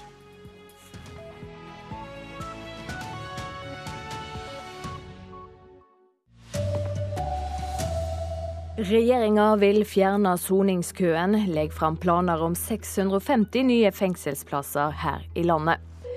Norge står fremdeles på gangen, men vi har likevel innført rekordmange EU-lover i år. Og akevittelskere ber regjeringa om egen bonuskvote på taxfree-butikkene. Her er NRK Dagsnytt klokka 7.30. Regjeringa vil altså opprette 650 nye soningsplasser i fengsler de neste åra. Det kommer fram i stortingsmeldinga om kriminalomsorga som skal legges fram i dag. I dag står 1200 personer i soningskø. Det er et tall som må ned, sier Ulf Lerstein fra Fremskrittspartiet. 650 nye fengselsplasser i Norge. Og Det betyr altså en økning på nesten 20% av antallet fengselsplasser i Norge. Så dette er et viktig element i regjeringens satsing for å gjøre noe med kriminalitet og, og soning. I stortingsmelding anbefales det bygging av 100 nye fengselsplasser hver i Halden, Skien og Bergen, og opptil 50 nye plasser ved Åna fengsel. På lengre sikt bør det også bygges et helt nytt fengsel i Agder med 300 plasser. Et viktig bidrag, sier regiondirektør i Kriminalomsorgen Vest, Per Sigurd Våge. Eh, det er flott at politikerne nå eh, gir oss eh, nye verktøy, sånn at vi kan løse de problemene vi står i i hverdagen. Også nestleder i Norsk fengsels- og friomsorgsforbund, Asle Aase, er fornøyd. Det er jo et ekstremt behov. Fengslene vi har i dag er fulle, etterslepet er stort. Så jeg håper regjeringen i løpet av kort tid kan få realisert noen av sine planer. I tillegg er det nå inngått en avtale med Nederland om at 242 innsatte i norske fengsler kan sone der allerede fra sommeren. På lang sikt er det behov for 2000 nye fengselsplasser her i landet. Men dette viser at regjeringen er godt i gang, sier Peter Christian Frølich, som sitter i justiskomiteen for Høyre. Dette med fengselskapasitet har jo vært nedprioritert politisk i altfor mange år. Så det regjeringen gjør nå, er å ta et ordentlig skippertak for å løse opp i problemene. Reporter Tom Ingebrigtsen. Riksadvokaten stanser all fengsling av flyktninger som kom til Norge med falsk ID, inntil sakene er gått gjennom på nytt. Hassem al-Saleh skulle egentlig sone 45 dager i fengsel fra nyttår, men nå slipper han det. Good news. Yeah, really good 21-åringen flykta til Norge med ungarsk pass. På Gardermoen innrømte han at ID-en var falsk, men fikk fengselsstraff likevel. Like etter uttaler Høyesterett at det ikke er lov å fengsle flyktninger som reiser fra krig og konflikt, og som innrømmer at de har brukt falsk ID. Etter NRK omtalte saken denne uka, har Riksadvokaten sendt beskjed om å stoppe fengslinga av Hassem og flere andre flyktninger. Vi ber kriminalomsorgen om å stille soningen i bero. Det forteller Anders Blix Gundersen i Riksadvokatembetet. De kjenner til tre personer som nå slipper fengsel til saken er undersøkt på nytt reporter Marit Gjelland. Ikke på 15 år er det blitt innført så mange EU-lover i Norge som i år. Siden januar har regjeringa sagt ja til 627 slike lover fra Brussel. Et demokratisk problem, sier europaforsker. På matbutikken Meny jobber de intenst for å merke varene etter nye EU-regler. Ut fra skriveren kommer merkelapper full av informasjon om matvaren. Her ser du, her er det jo veldig mye innhold. Det er en bagett, og alt skal jo på etiketten. Trygg matleder i Meny, Toril Glørsen, har i halvannet år jobba med å utvikle merkelappene, så de tilfredsstiller nye EU-krav. Så i dette tilfellet da, så har vi måttet sette på to etiketter for å få på alt.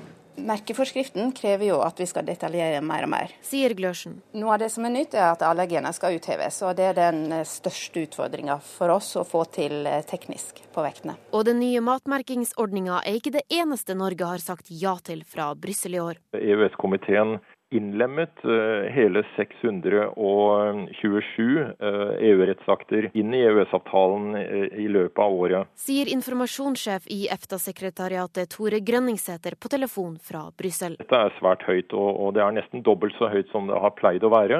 Problemet er at vi har et demokratisk underskudd her. Sier Erik Oddvar Eriksen. Han er leder på Arena senter for europaforskning ved Universitetet i Oslo.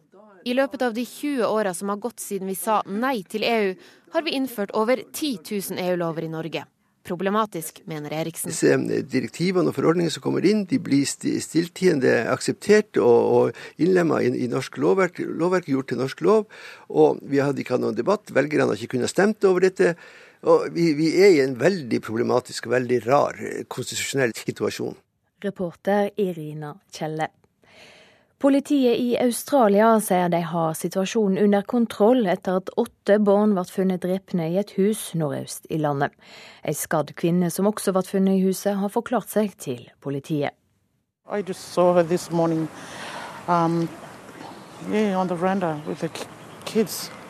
Nabo Bessie Mareko i forstaden Menora utenfor byen Cairns forteller at hun så kvinnen bare noen timer i forveien. Da var 34-åringen i gang med å rydde huset for jul sammen med barna. De samme barna som nå er døde. Naboene hørte ingenting i forkant. Nå står de i bekymrede flokker ved det hvitmalte huset.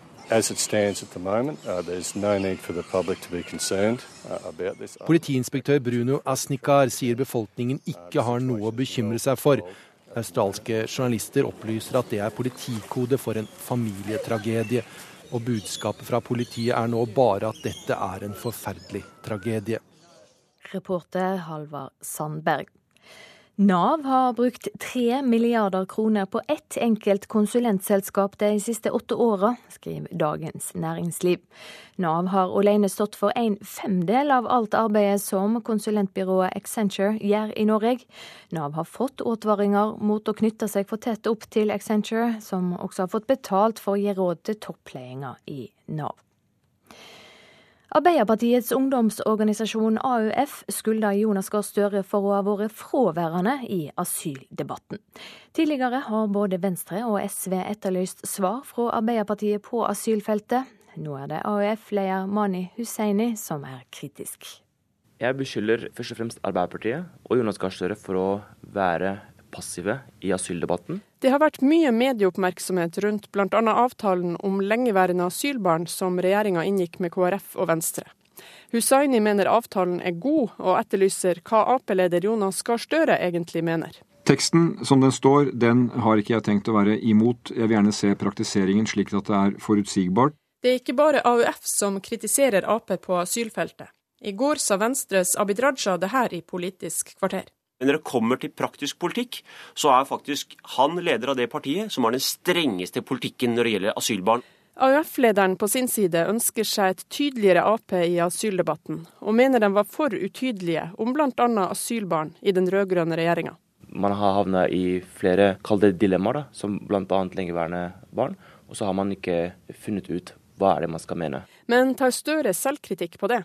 Nei, jeg er ikke innstilt på å ta selvkritikk på det. Det er som sagt ikke enkelt å finne den rette balansen mellom hvordan man tar hensyn til flere forhold, også de innvandringspolitiske. Så det tror jeg vi må jobbe med hele veien, men jeg mener vi arbeider hardt for det. Reporter Eva Marie Bulai. Foreninga Løten-akevittens venner ber nå regjeringa om å endre de nye taxfree-reglene, der kunder som lar være å handle tobakk, kan få med seg mer vin. De vil ha norsk akevitt som bonuskvote for handlerne som dropper tobakken. Det er konkurransevridende, vil jeg si, at det er vin som blir framsatt som, som det folk skal kjøpe, og ikke norskprodusert eh, vare. Det er høgsesong for akevitt, men det er vin det går mest av på taxfree-butikken på Gardermoen. Særlig etter sommerrevolusjonen, da vi kunne bytte ut tobakkskvoten med vin.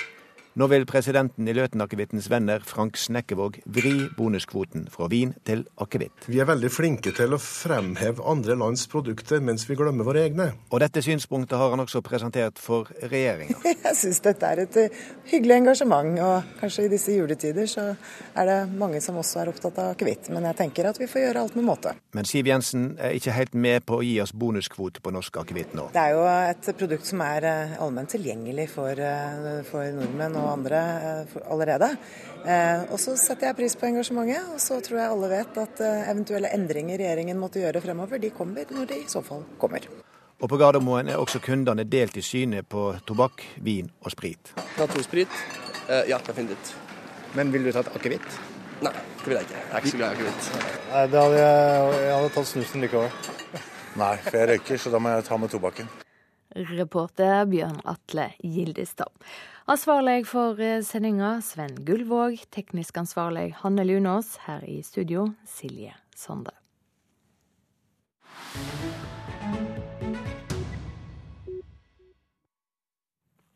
Dette er eh, Nyhetsmorgen. I Spania har antall eh, voldsanmeldelser mot menn gått dramatisk ned. Fire av fem mishandlede kvinner unnlater å anmelde, og antallet politianmeldelser er redusert med nærmere 40% siden starten på den økonomiske krisen, og det får fatale følger for mange.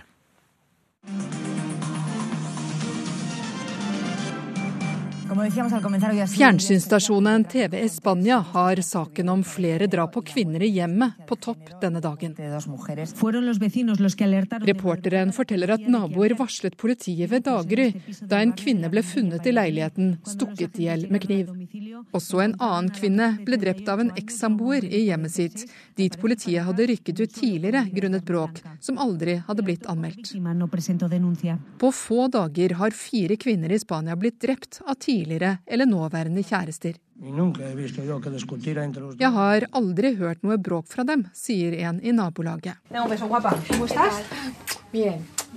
Hos kvinneorganisasjonen Federación de Mujeres Progresistas er de bekymret. Kvinnene anmelder sjeldnere, og dermed går voldsutøveren fri, sier advokat Yolando Besteiro. Hun mener det skyldes ringvirkninger av den økonomiske krisen. Eh, den har rammet kvinnene ved at de har blitt mer avhengige av voldsutøveren, sier hun.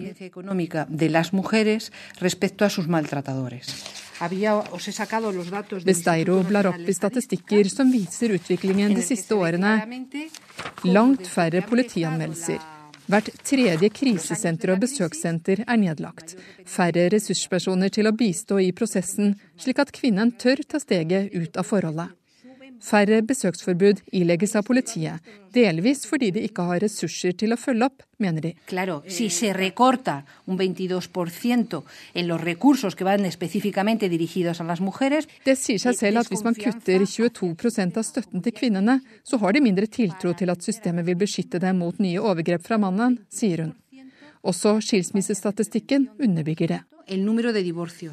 Året før krisen var det nesten 130 000 som skilte seg, mens det i fjor var godt under 100 000, forteller hun. Spania ble spesielt hardt rammet under finanskrisen, og fortsatt står hver fjerde person uten jobb. Ikke minst har mange stillinger innenfor typiske kvinneyrker forsvunnet i den brutale nedskjæringen regjeringen har stått for, for å kutte i offentlige utgifter innen helse, skole og byråkrati. Fundación Adecco, som jobber for likestilling i arbeidsmarkedet, spurte i forrige måned 300 jobbsøkende kvinner om viktigste grunn til at de blir i et voldelig forhold. 97% av dem svarte at det skyldtes den økonomiske krisen. Eh,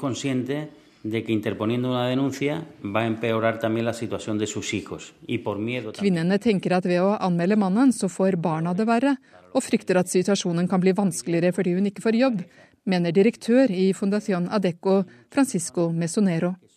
Fundación Adeco får tilskudd bl.a. fra norske EØS-midler for å fremme likestilling i arbeidsmarkedet. Men det er vanskelig når arbeidsmarkedet ligger nede med brukket rygg. De må konkurrere med de unge som har prioritet, sier han. De risikerer å bli dobbeltrammet, først som arbeidsledige, og så ved å bli diskriminert og bli møtt med fordommer, sier Irene Gill i foreningen. Advokaten i kvinneorganisasjonen mener det er vanskelig å forlate voldsutøveren uten et støtteapparat i ryggen. Nøyaktig ti år etter at Spania fikk en lov som skulle beskytte kvinnen mot vold og fremmed likestilling, mener hun landet er satt flere år tilbake.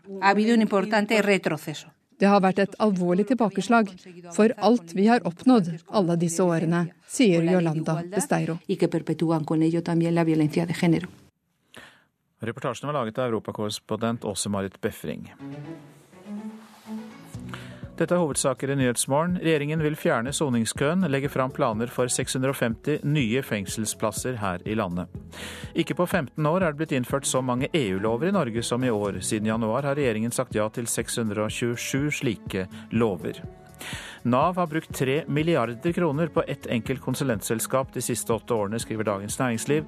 Nav har alene stått for en femdel av alt arbeidet som konsulentbyrået Accenture gjør i Norge. Nå til Politisk kvarter. Programleder der, Håvard Grønli.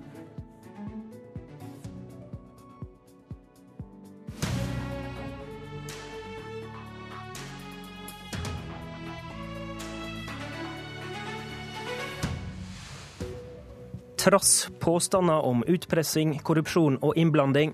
Helseminister Bent Høie vedtek etter alt å dømme bygging av nytt sykehus i Molde i dag.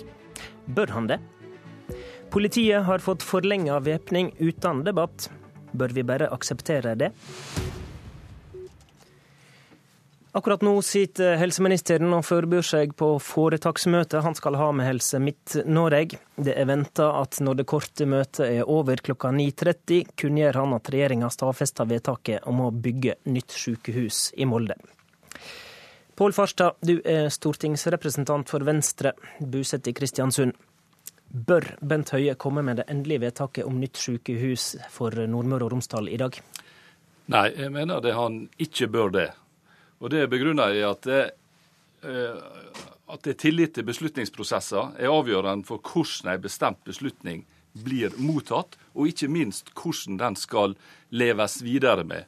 Og med den manglende åpenhet som har vært rundt disse her prosessene eh, så langt, så mener jeg det at det her er ikke grunnlag for, eh, for at en beslutning skal bli, bli tatt nå. Her har kommet frem påstander, beskrivelser som er såpass eh, alvorlige at det bør gjennomgås før, man, man, før eh, helseministeren tar en beslutning. Hvor lenge bør han vente, da? Ja, Han bør jo bruke den tida som skal til for å få klarhet i en del av det som nå har kommet frem. Ikke bare en del, alt må på bordet. Eh, og da vil jeg si det at eh, om man utsetter dette her en to-tre måneder, så bør det være til å leve med i den prosessen som har gått. Petter Bjørdal, du er med oss på telefon. Du er lokalpolitiker på Sunnmøre for Arbeiderpartiet og er nestleder i Helse Møre og Romsdal. Bør vedtaket komme fra Bent Høie i dag? Ja, jeg håper at Bent uh, Høie gjør et klart og godt vedtak i dag. Det håper jeg virkelig. Hvorfor? Eh, fordi at eh, den prosessen som var framover inntil siste veka før vi skulle ta en avgjørelse. Det var en veldig god prosess. Vi fikk et, på selve møtet så fikk vi et veldig godt uh, grunnlag til, uh, i denne idéfaserapporten som administrasjonen hadde laga til oss. Det var veldig godt kvalitetssikra gjennom uh, to uavhengige konsulentfirmaer, Holte Consulting og Ernst Young. Og jeg syns vi skal gjøre Astrid, avgått direktør Astrid Eidsvik Eh, følge den oppfordringa hennes om å gjøre et vedtak. Hun ba oss om å gjøre et vedtak, og jeg håper at eh, Høie, høye stadfester det i dag. Men det var samtidig grove påstander som kom fram i styremøtet deres i forgårs. Er det ikke sunnest for den demokratiske prosessen å få dette undersøkt før den endelige avgjørelsen kommer? Jeg tror nok eh, det at det hadde vært støy omkring dette vedtaket nesten uansett hva slags prosess som hadde vært også i sluttfasen. Eh, nå, kanskje noe mer ekstra ble men likevel, eh, det grunnlaget som vi hadde, var, var, godt nok. Vi skulle gjøre et skjønn, og det var den skjønnsmessige vurderinga til administrasjoner som, eh, som, ikke var ferdig. Og Det er det jo vanligvis styres i oppgave å, å, gjøre, og det har vi gjort. Og det har Helse Midt-Norge gjort, og det håper jeg også som sagt Høie gjør i dag. Men mener du at så grove skuldinger som de vi har hørt, ville kommet uansett? Ja, jeg mener det. Og, eh, og disse, jeg føler det at disse skuldingene i veldig stor grad er av politisk karakter, og det er for Stortingets kontroll- og konstitusjonskomité rydde opp i, i etterkant. Pål Farstad. Ja, altså, eh, Jeg syns jo nettopp det som kom frem da ved starten av møtet i Helse Møre og Romsdal, viser til, til fulle at eh, her er det så mye som er uklart, til dels grums som ikke ble tilstrekkelig avklart, at eh, det i seg sjøl, i tillegg til en del av de andre tingene som kom frem i prosessen, tilsier det at dette burde man gå nærmere inn i. Og, Jeg vil understreke veldig sterkt at dette her handler om prosessen for min del, overhodet ikke om, om, om Eh, at dette her er noe for å, for å utsette eller for å, for å, få, eh, for, for, å kjøpe tid for noe bestemt. Eh, prosessen må, har ikke vært helt bra, spesielt i sluttfasen her nå. Og da er man tjent med det når man nå skal gå videre, både i Nordmøre og Romsdal, gå videre, skape samhold om ei, ei bestemt beslutning, så er dette her meget uheldig å, å ha med seg. Men understreker Men, men, men forstå, med så mye vondt blod, og etter ti år og mange titalls millioner i utgreiingskostnader, mm. er ikke det da politisk handlekraft å komme med et vedtak og sette sluttstrek? Jeg liker godt politisk handlekraft, for all del. Men nettopp fordi man har holdt på så lenge, har, um, det er lagt ned mye penger, mye ressurser, man har bundet opp mye, det er stor slitasje både blant befolkning og de som er inne i selve prosessen, så burde man tatt seg tida til å få utsjekka en del ut av det som nå har kommet, slik at man kan skape noe som kan være et felles fundament for å gå videre med i, i regionen, som sårt trenger å samarbeide bedre enn det som gjøres i dag. Petter Bjørdal, hva skjer om eh, denne saka skulle bli utsatt igjen? Jeg syns det vil være veldig uheldig. Og jeg vil jo minne om at eh, Astrid Eidsvik, som selv er en del av, eh, av grunnlaget for denne uroa som, som ble der, hun oppfordra oss om å gjøre et vedtak den, den 17. Slik at disse tingene som er av såkalt prosessuell art, Eh, de er til å leve med. Og det som det har vært sagt, det har vært kjørt en prosess i, i, i, ti år. Og at det ble noe grom siste, siste veka, det, det, føler jeg at det er ikke avgjørende grunn for å utsette videre behandling. Nå må vi bli ferdige og komme oss videre. Det fortjener faktisk innbyggerne i dette området her, som er veldig slitne av den kampen som har vært. Her i studio sitter også Bård Vegar Solhjell, du sitter i kontroll- og konstitusjonskomiteen på Stortinget for SV. Det var du som tok opp sykehussaka der, og komiteen sendte i går ti spørsmål til helseministeren om prosessen. Bør han vedta sykehusplasseringa nå i dag, etter ditt syn? Det var for veldig forståelig at folk i Møre og Romsdal har lyst til å komme videre og få bygd nytt sykehus. Eh, og det tror jeg er riktig at mange er slitne av debatten. Eh, og så har det tatt tid. Men helseministeren har ikke hatt mye tid. Eh, Innstillinga kom jo for under et døgn siden. Eh, og det er klart, han skal i hvert fall være veldig sikker på at prosessen har vært god og riktig, og at det ikke har vært de lovbrudd og andre ting det er beskyldninger om, hvis han tar beslutningen i morgen. Det virker det jo som han er. Ja, og så skal jeg legge til at det, altså, Kontrollkomiteen har stilt han en rekke alvorlige spørsmål, men vi har ikke lagt oss opp i om hans, hvor det skal lokaliseres, eller om han skal ta beslutningen. Det er helt opp til han sjøl, eh, og sikre at det er på en legitim og god måte. Men det høres ut som du tenker det kunne være klokt å vente? Jeg, jeg har ikke en mening om det, eh, men det jeg er helt sikker på, er at han må vite at prosessen har vært ryddig og god og i tråd med loven hvis han eh, gjør et vedtak i morgen, eller i dag. Takk til eh, Pål Farstad og Petter Bjørdal om eh, sykehus. Bård Vegar Solhjell blir med litt videre.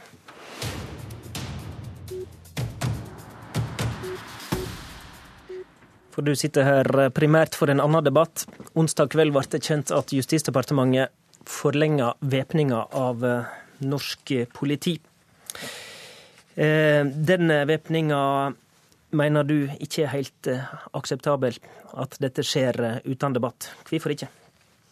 Du, Jeg er sterkt tvilende til selve tiltaket om en bevæpning av politiet i Norge er et godt svar på en diffus, generell, global trussel fra IS i Midtøsten. Men ikke minst så syns jeg justisministeren eh, virker som han forsøker å gjemme seg unna spørsmålet, istedenfor å løfte det opp, det som tross alt er en ganske viktig beslutning. Eh, Stortinget har ikke fått seg forelagt en sak.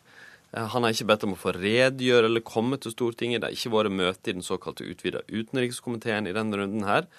Og vedtaket ble sendt ut en eh, sen kveld uten noe mer rundt det. Og jeg syns justisministeren burde be om å få komme til Stortinget, forankre beslutningen, og ikke minst forklare den, legge fram et faglig grunnlag som gjør at han kan forsikre seg om at det har brei støtte. NRK har invitert Justisdepartementet til tre radiodebatter om dette siste døgnet. De har takka nei til alle. Eh, da er det fint at du er klar for debatt i studio i Bergen. Peter Frølich, god morgen. God morgen, god morgen. Du representerer Høyre i justiskomiteen. Hva sier du til Solhjell sine innvendinger? Jeg ser jo først og fremst dette som et uh, retorisk uh, grep. Altså Her forsøker man å skape et inntrykk av at man snikinnfører generell politibevæpning. Eh, og det er selvfølgelig ikke sant. Det er ingen som har snikinnført eh, generell bevæpning. Det er heller ingen som vil gjøre det. Og det er faktisk heller ingen som kan gjøre det. Altså Bare, bare antydningen i seg selv er jo nesten en hån mot systemet. Det ville jo både vært konstitusjonelt umulig og politisk umulig. Eh, og ingen regjering ville kunne sluppet unna med det. Og det, det, vet selvfølgelig SV også. Det regjeringen har gjort, er å gi en midlertidig tillatelse. Nettopp fordi at politiet og Politidirektoratet selv har bedt om eh, en sånn bevæpning for å kunne beskytte seg mot et terrorangrep som PST mener er sannsynlig. Det er gjort åpent, det er gjort lovlig, det er gjort med en faglig forankring, og ikke minst så er det midlertidig. Men eh, Frølik, jeg tror ikke du kan ha hørt så veldig nøye etter når jeg snakka, for jeg sa ingenting om snikinnføring. Jeg mistenker ikke justisministeren for med intensjon å prøve å få til en varig bevæpning. Men du er redd for jeg, at det kan være konsekvensene? ja, jeg, jeg kritiserer han for tre ting. Punkt én, at det er veldig vanskelig å se at det at politiet i Naustdal og på Senja og alle plasser i Norge bærer våpen, er en godt møte med en diffus global trussel som er retta mot veldig mange, inkludert politikere. Punkt to. Eh, det er ganske sannsynlig at den økte terror- eller beredskapen kan, eh, eh, og sikkerhetsvurderingen kan stå seg over lang tid. Altså I Danmark så har de hatt høyere sikkerhetsnivå siden karikaturstriden. Skal vi da, og Det vi kan risikere, er at vi sklir mot en situasjon der det blir en lang midlertidighet. Og Det er ikke noe jeg mistenker for å være en intensjon, men at vi må da diskutere det og få en bredere debatt om det, er ikke jeg i tvil om. Og det, tre, og det tredje jeg er kritisk til, er at justisministeren ikke aktivt har bedt om eh, en runde i Stortinget og få lagt fram sitt syn, sånn at òg partiene kunne få gitt uttrykk for hva vi mener, og hørt begrunnelsen bedre. Dette med trusselnivået, Frølik, det er vel mye som tyder på at det trusselnivået vi har nå, ikke vil gå ned på en god stund. Og da skal vi bare forlenge og forlenge uten at vi faktisk drøfter det, da? Det Politidirektoratet har sagt, er jo at eh, de trenger dette foreløpig, eh, inntil man får andre risikoreduserende tiltak på plass. Det kan være nye rutiner for patruljer, eller det kan være en bedre oversikt over hvordan trusselsituasjonen faktisk er. Og Da syns jeg man skal være ganske for å si sånn, da skal man ha ganske god selvtillit hvis man sitter i opposisjon på Stortinget og mener at man har en større politifaglig innsikt i de vurderingene. Det må jo få lov til å minne om at politidirektøren er jo personlig en motstander av permanent bevæpning. Eh, men han ber altså om dette midlertidig, eh, fordi at vi er i en tidlig fase av den nye trusselsituasjonen. Eh, så går det også an å minne om at justisministeren har faktisk vært på talerstolen i Stortinget og sagt rett ut, gang på gang på gang, at dette ikke er en permanent løsning. Men, men jeg er godt kjent med politidirektørens syn. Og, hvis det var sånn at justisministeren hadde selvtillit, så burde han jo kommet til Stortinget og aktivt bedt om å få legge fram de faglige argumentene. Jeg har veldig stor respekt for faglige argumenter, og ikke minst i en sak som det her, så vil jeg legge avgjørende vekt på Politidirektoratet sin anbefaling. Men jeg syns da det er merkelig at man ikke har en mer mer offensivt inviterer til en åpen debatt, f.eks. ber om å få redegjøre, legge grundig fram hvorfor det kan være riktig midlertidig, og ikke minst hvordan man vil hindre at vi sklir inn i en det vi kan kalle en varig midlertidighet. Og Det er det min kritikk eh, går ut på. Og, og jeg syns at dere har svart altfor dårlig på, på, hvorfor ikke dere ønsker en bredere debatt om det. Frølik. Det er, noen, eh, det er, ikke noen, grunn til å tvile på at vi tar en debatt i Stortinget eh, når som helst om dette. Eh, bare det at vi sitter og har debatten nå, syns jeg er et um, tegn på at uh, man ikke uh, viker unna for å diskutere disse spørsmålene. Men for det første så vet Bård Vegar Solhjell like godt som meg at dette er et sensitivt spørsmål som må diskuteres på en måte som, som er passende.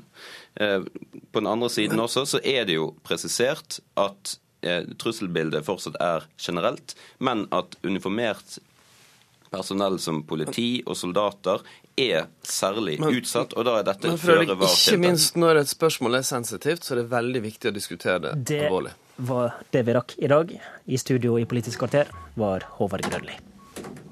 Hør flere podkaster på nrk.no podkast.